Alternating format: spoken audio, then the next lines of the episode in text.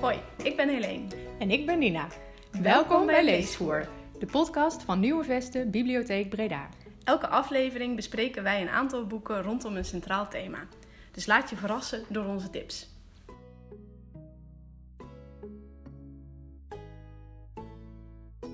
Welkom bij deze derde aflevering van de podcast Leesvoer Nieuwe Vesten. Gisteren was het bevrijdingsdag, dus we hebben een aantal boeken meegenomen die over het thema vrijheid gaan. We kwamen erachter dat je rond deze tijd natuurlijk altijd al vaak boekentips voorbij ziet komen die over vrijheid gaan. En Ja. vaak natuurlijk ook over de Tweede Wereldoorlog.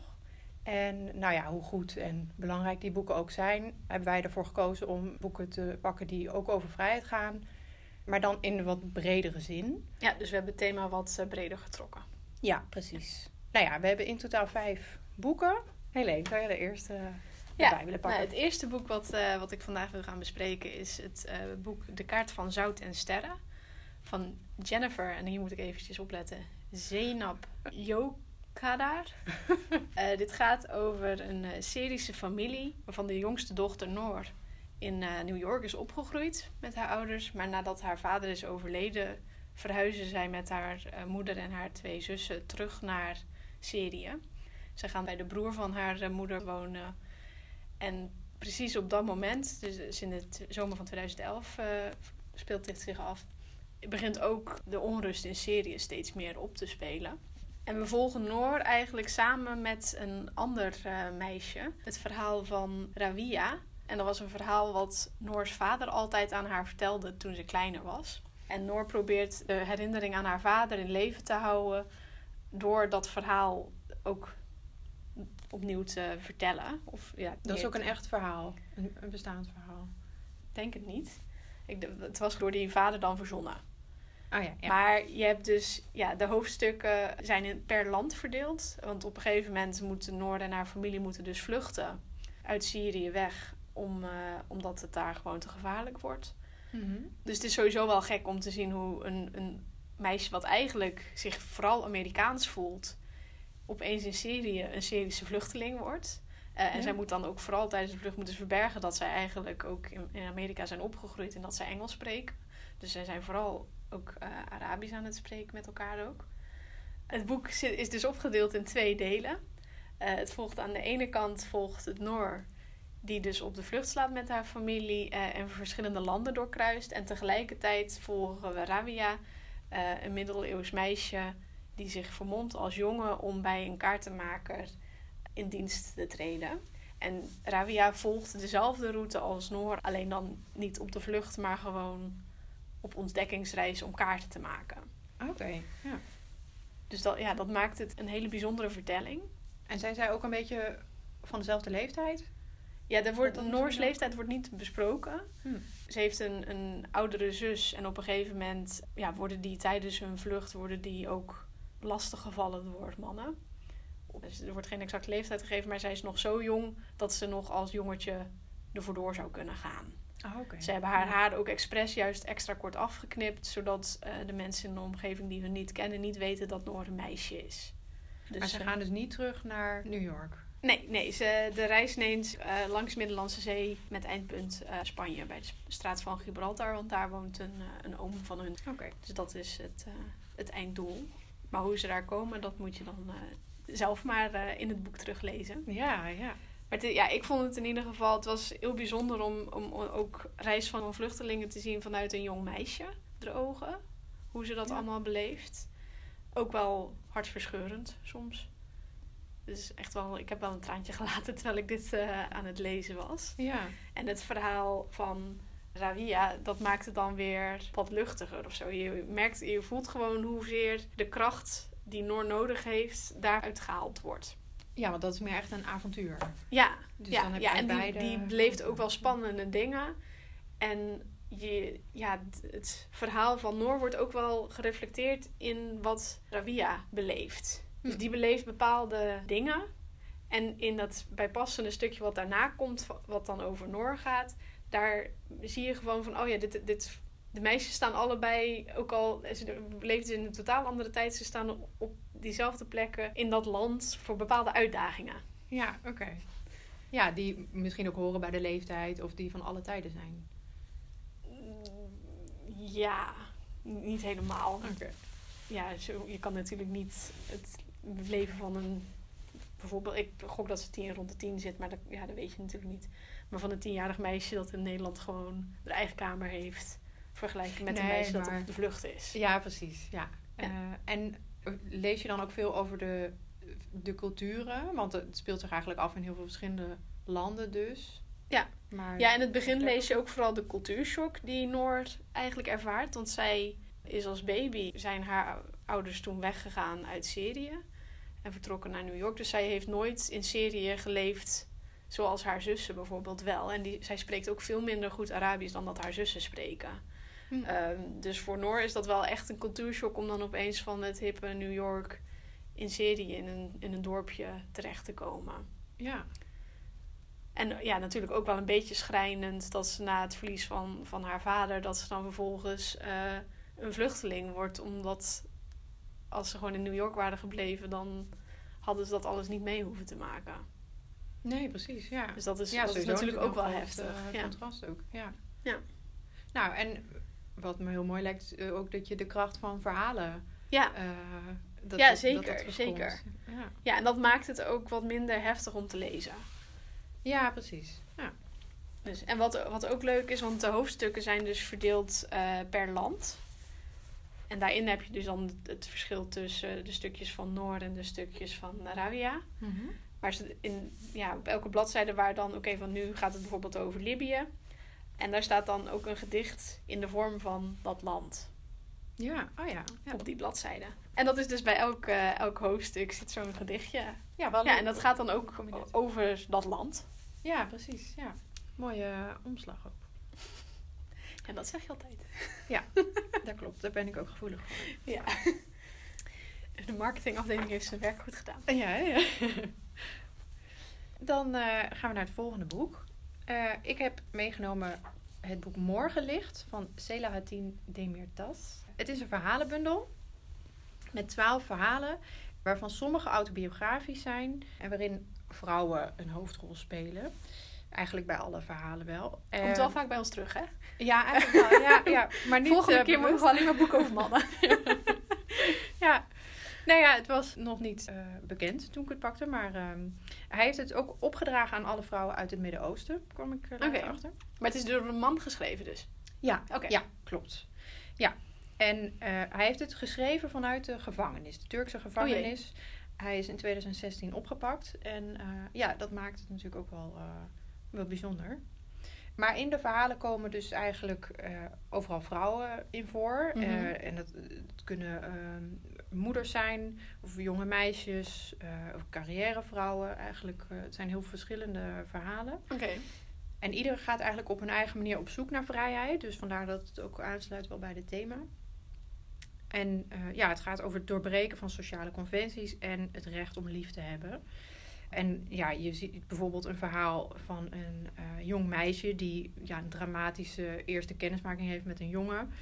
Eh, en een schoonmaakster bijvoorbeeld die eh, per ongeluk in een demonstratie terechtkomt. Nou, en hoe dat verloopt. En een hoogopgeleide vrouw die geen sterke band heeft met haar vader. Maar later blijkbaar ongemerkt hele grote levenslessen van hem heeft meegekregen. Daar komt ze dan achter. Oké, dat is wel bijzonder. Dus eh, ja, en het zijn ja, hele mooie verhalen, maar ja, ook heel heftig en ook hartverscheurend. Dat Ja. jij net ook bij het andere boek had. Maar ook echt wel hoopvol. En wat ook wel heel mooi is, vind ik dat het is ook heel grappig. Oké. En dat verwacht je eigenlijk helemaal Nee, niet. Hè, bij nee de- dat zou je inderdaad bij zoiets... En zeker door iemand die nog in een gevangenis zit geschreven... zou je dat dan niet Ja. verwachten. Nee, precies. Ja, het is echt ja, gewoon wel humoristisch en met een knipoog ook wel. Eh, en dat, dat is eigenlijk heel knap, dat hij het zo eh, eh, ja, kan combineren eigenlijk. Ja. Ehm, nou kan ja, je daar ook een stukje van voorlezen? dat ga ik even doen. Want ik had inderdaad een stukje uitgekozen. Het is het begin van een verhaal, want het zijn dus eigenlijk echt maar korte verhalen. Oké. De een iets langer dan de ander, maar ja, zeg vijf tot tien pagina's per verhaal. En ja, in die paar pagina's heeft hij echt een hele wereld geschetst. Oh, dat is ook wel knap. Ja, heb je helemaal een beeld van, van een persoon. En eh, ja, soms een heel leven zelfs. Dus eh, dit is het begin van het verhaal Niet zoals u denkt. Ik stak mijn hoofd door de strik en schopte kordaat het krukje weg. Terwijl dat over de grond rolde, richtte ik mijn blik op het plafond en dacht steeds maar na. Ik wachtte tot ik mijn leven als een film aan me voorbij zag trekken, maar er gebeurde niks. Zo verstreken er zowat tien minuten. Op elk beeldje van de film was haar lachende gezicht te zien. Mijn leven bestond uit niets dan haar. Dezelfde opname, keer op keer. En nu zou het hier ten einde komen. Als ik tenminste niet op mijn rug op de grond had gelegen. In horizontale toestand kun je je niet ophangen, kennelijk. Die ontdekking gaf me weer zin in het leven. Ik kwam overeind en haalde mijn hoofd uit de strik. Tevreden dat ik mijn dagelijkse zelfmoordpoging had volbracht, liep ik naar de keuken. Ik bakte drie eieren en ontbeet. Ik schoor me, kleedde me aan, ging naar buiten. Oké. ja, dus het is... Ja. Ja, Toch het iets gaat heftigs, natuurlijk verder. Maar... inderdaad, het is eigenlijk ja, een hele beschijnende situatie. Eh, Ja. heel, heel verdrietig ook. Maar je hebt meteen een beeld ook van, van die persoon wel. En, Ja. ehm, Ja, en toch ook een beetje met humor inderdaad geschreven. Dat, eh, ja, ja, precies. Wel iets duisterder Ja. humor. Ja, hè? ja dat Ja. wel. Ja, ja.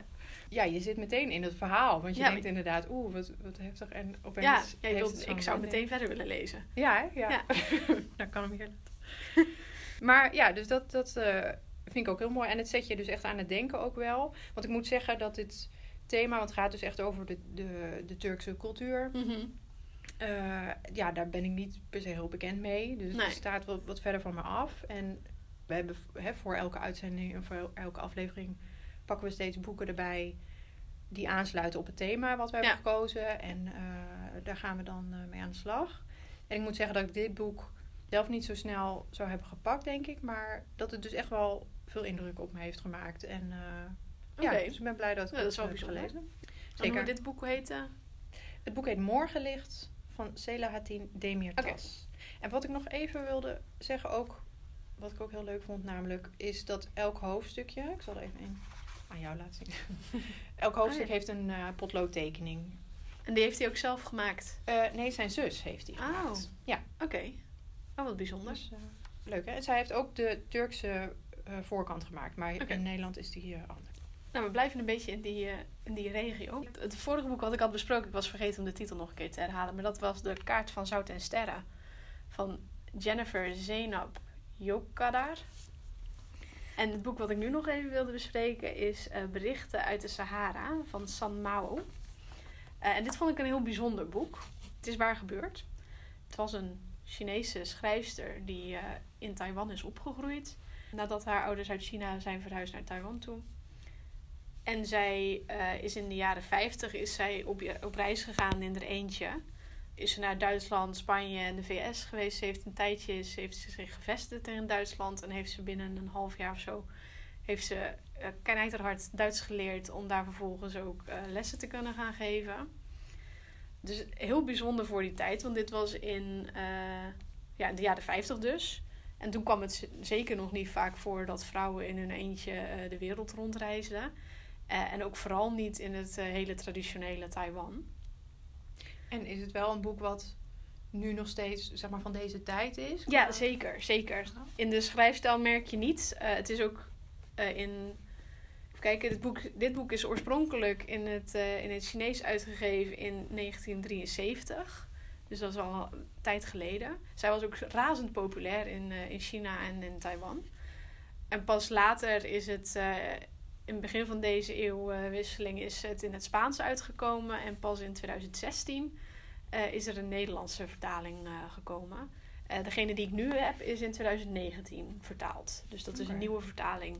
Ja, maar ook echt wel een flink stuk later inderdaad dan Ja, eh, wanneer Ja, ja, dus dat is sowieso wel bijzonder. Maar ja, het is ook echt wel een, een bijzondere vrouw. Uiteindelijk zet zij dus, eh, haar, richt zij dus haar, eh, haar blik op eh, de Sahara, de westelijke Sahara. Daar wil zij om een of andere reden heel graag wonen. En ze wil leven hoe het leven is in de Sahara. Ehm, dus zij vertrekt eh, daar naartoe. En een vriend van haar, die zij op een eerdere reis heeft leren kennen, José, eh, daar krijgt ze een relatie mee en die gaat met haar mee naar de Sahara. En dat is in 1973. Oh, ik heb het uitgifte van het boek verkeerd gezegd. Is 1976 is die uitgegeven. In 1973 is zij naar de Sahara vertrokken. Ehm, en het boek bestaat eigenlijk, want zij heeft op een gegeven moment dus allemaal eh, ja, columns geschreven. ehm, met haar rei- verha- ja, gewoon verhalen van haar leven in de Sahara. En dat is uiteindelijk dus gebundeld in dit boek. Oké. En leest het wel dus echt meer als een dagboek? Of... Nee, nee het, zijn, het, het volgt haar leven redelijk door de tijd heen. Alleen er staan, er staan geen data in. Er staat niet in hoe ver bepaalde gebeurtenissen van elkaar zijn. Het zijn echt klei- ja, soort van korte verhalen. Maar waar sommige thema's wel doorlopen. Je merkt wel dat ze ja, dus op een gegeven moment dus een huisje krijgen in een, in een Sahari-wijk. En hoe dat dan zich opbouwt en hoe zij die connecties met de eh, mensen daar in de omgeving heeft. Eh, en het is, ja, het is een heel uniek perspectief, want zij is dus Aziatisch. Eh, en op dat moment is dat westelijke deel van de Sahara hoort nog bij Spanje, dus dat is nog een kolonie. Haar man, waar ze dus, José, waar ze dus later mee trouwt, is Spaans. Maar zij wonen wel in een Sahawari-wijk. Dus Mm. ja, zij, ze heeft connecties met allebei, maar ze is niet de gekoloniseerde en ze is ook niet de kolonist. Dus zij heeft een hele gekke positie in die omgeving. En in het begin is ook, ja, zijn alle boeren ook heel, heel voorzichtig. En die hebben zoiets van, waarom kom je hier wonen? Want ja, je bent, met een Spaanse man. Hoor je niet in het Spaanse deel van de stad te wonen. In de goede huizen in plaats van in, in deze buurt. Ehm, Hm. Maar dat, ja, dat Ja. leidt tot hele grappige ervaringen en verhalen. Eh, en het geeft gewoon ook een unieke blik op een, op een gebied waar ik in ieder geval zelf niet heel veel van wist. En ook in een Ja. tijd waar ik niet zoveel kennis van had. Nee, precies. Dus, ja. eh, en dan ja, is het extra speciaal als dat door de ogen van een best wel onafhankelijke vrouw is die gewoon haar eigen ding doet. ja, over vrijheid gesproken. Ja, ja, ja dus die. eh, het, is, het is heel speciaal om te lezen. Er komen ook wel schokkende dingen in voor.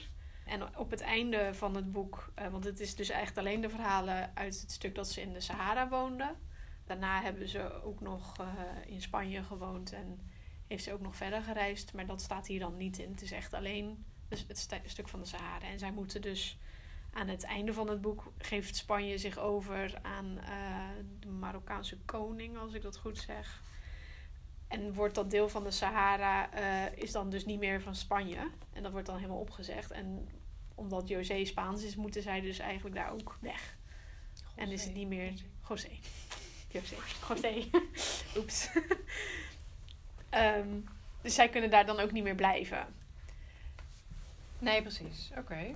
Maar ja, de, ook net als haar familie verklaart haar natuurlijk ook gewoon voor gek op een gegeven moment. Dat zij in de Sahara wilt gaan wonen. Terwijl Ja. met minimale luxe en geen douche en weet ik veel wat allemaal. Terwijl je ook gewoon...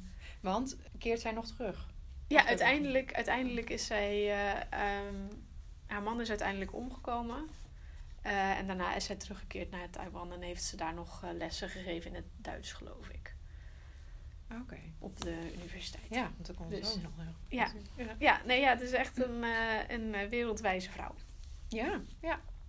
Nou, bijzonder verhaal. Mooi. Dan eh, gaan we door naar de volgende. Ja, wil je nog even herhalen welke je Oh ja, eh, berichten uit de Sahara van San Mao. Het is Ja. of, niet haar echte naam trouwens. Eh, het is een pseudoniem. Dus de echte naam is Chen Maoping. Maar onder San Mao publiceerde zij al haar werken. Ja, oké. Nou, het volgende boek wat we gaan bespreken is Bloemblad van Zee van Isabel Allende.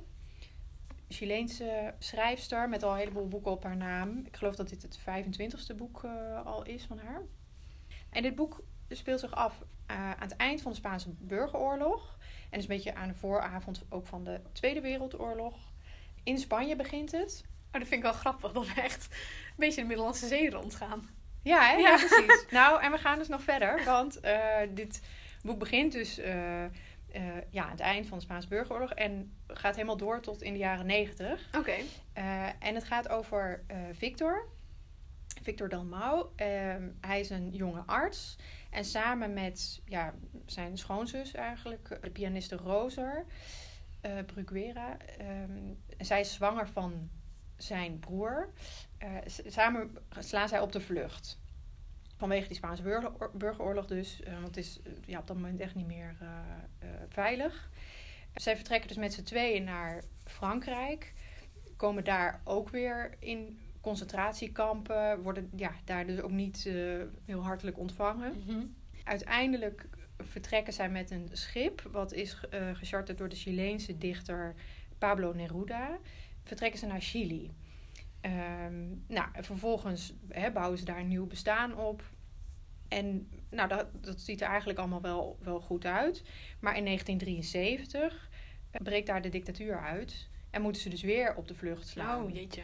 Ja, dus het is Wat dat geen geluk. heel, nee, precies. Ja, het is een heel heftig verhaal eigenlijk.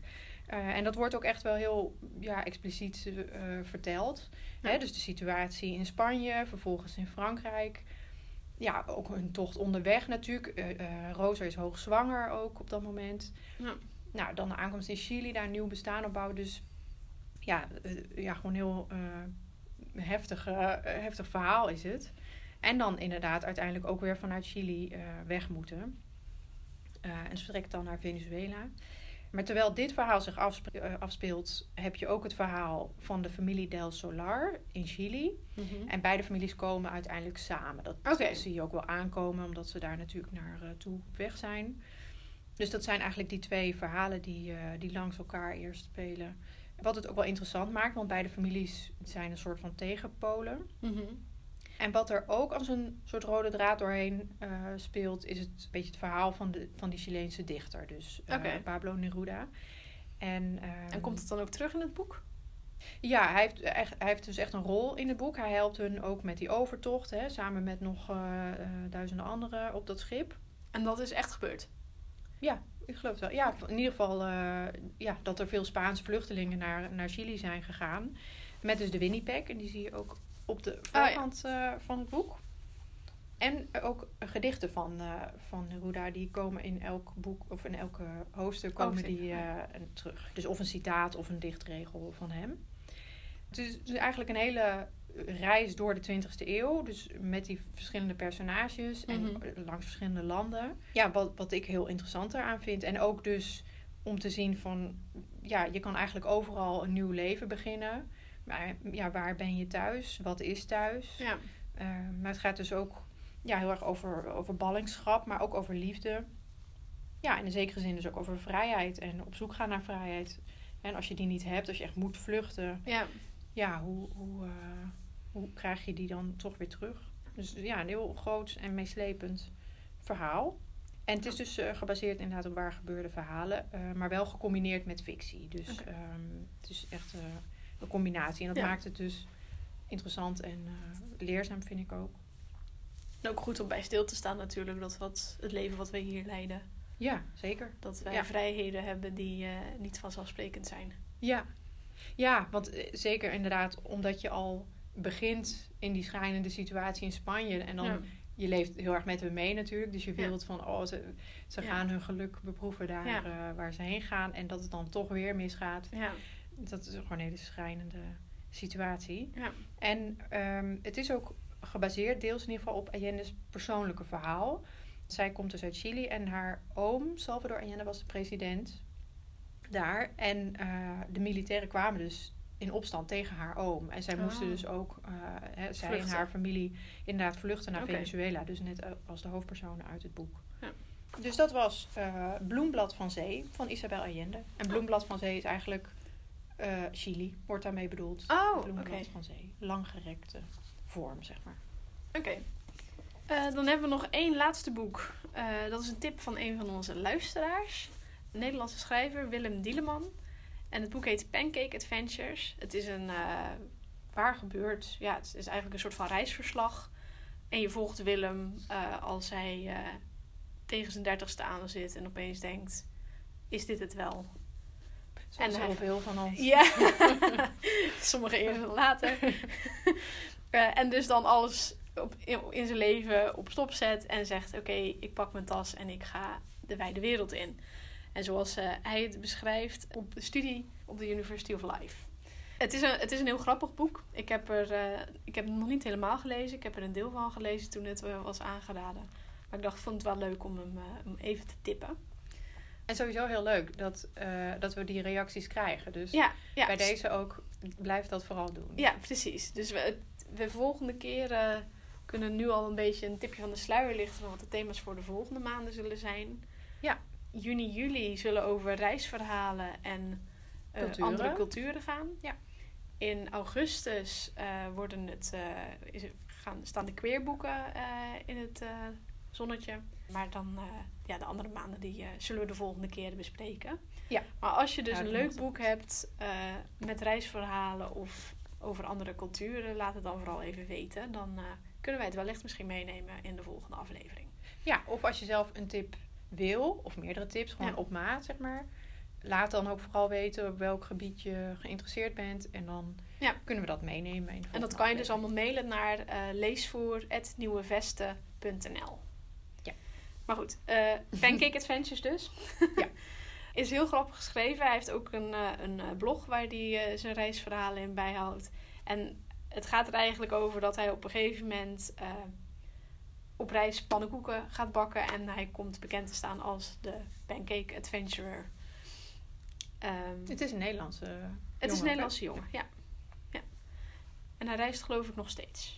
Maar ja, ik had dus het boek opengeslagen op een hele grappige bladzijde. En dat is ook een ander soort vrijheid. dus ik dacht, ik lees daar ook eh, even een stukje uit voor. Ja.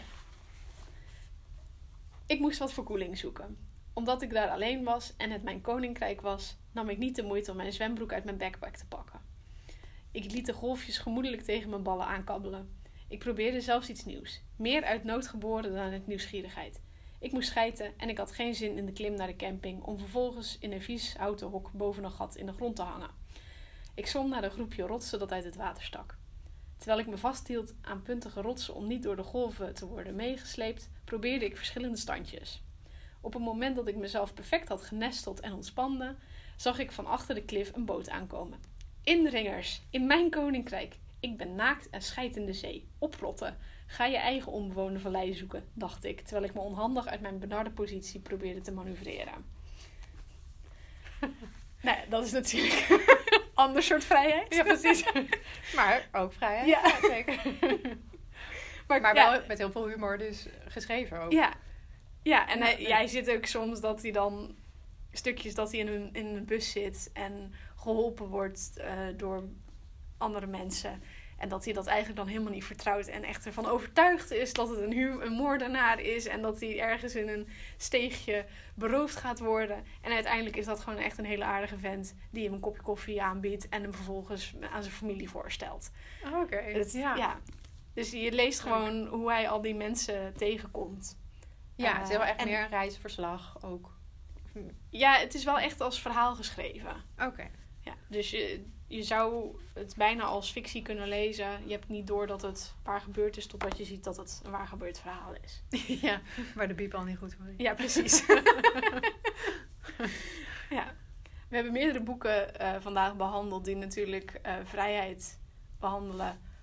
Ehm, maar een kant laten zien, juist waar mensen niet vrij zijn, of waar ze, waarvoor, waar ze moeten vluchten om vrij te zijn. Waar, waar of juist hun vrijheid pakken in een, een wereld waar het niet heel normaal is dat jij als vrouw uit Taiwan je vrijheid neemt om gewoon te doen wat je wilt en te zijn wie je wilt. Eh, vond ik het dus wel leuk om ook een boek eventjes aan te stippen die iets lichter daarin zit, maar toch ook over vrijheid eh, in de breedste zin van het woord gaat.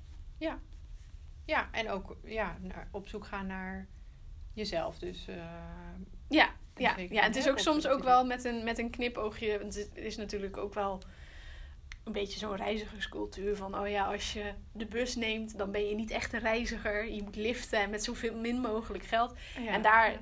ja, steekt hij ook al een beetje de draak mee. Van ja, weet je, waarom zouden wij inderdaad als backpackers verwachten dat iedereen ons maar gewoon gratis een lift geeft? Terwijl die mensen veel minder geld hebben dan dat wij eigenlijk hebben. En als wij zouden werken, zouden wij makkelijk gewoon hun auto bijvoorbeeld kunnen betalen. Ja, ja, ja, het is wel een leuke benadering inderdaad. Ja. Dus die. Ja. Ehm, leuk. dus we hebben vandaag hebben we vijf boeken besproken. De kaart van zout en sterren. Jij had, Eh, morgenlicht. ik had berichten van de, Sa- uit de Sahara van San Mau. eh, bloemblad van zee van Isabel Allende. En Pancake Adventures van Willem Dieleman. De titel is overigens in het Engels, maar hij is natuurlijk gewoon in het Nederlands geschreven. Leuk. Wat ook logisch was, want dat heb ik net voorgelezen. Maar Ja. hè, voor de zekerheid, mocht je twijfelen, hij is in het Nederlands. Ja, precies. Nou, en de titels zijn natuurlijk weer eh, terug te vinden op de website bibliotheekbreda.nl en dan bij podcasts. Daar zie je een overzicht, dus ook van de vorige afleveringen, met ook meerdere boekentips dan die we in de aflevering steeds bespreken. Oh ja, dat is dus wel ook, goed. eh. ja, ook andere boeken met het thema vrijheid hebben we daar ook weer eh, bij gezet. Ehm, Want we kunnen helaas niet alles voor jullie lezen. Nee, nee, nee. Zeker niet in een maand. Voor volgende keer hebben we het dus al een beetje verklapt. gaat eh, over het thema, ja, in verband met de vakantieperiode. Ook over verschillende landen en culturen. Dus daar gaan we volgende keer op in. Dus eh, ja, mocht je dus tips hebben, stuur een mailtje naar leesvoer.nieuwevesten.nl We zien jullie graag de volgende keer. Dankjewel.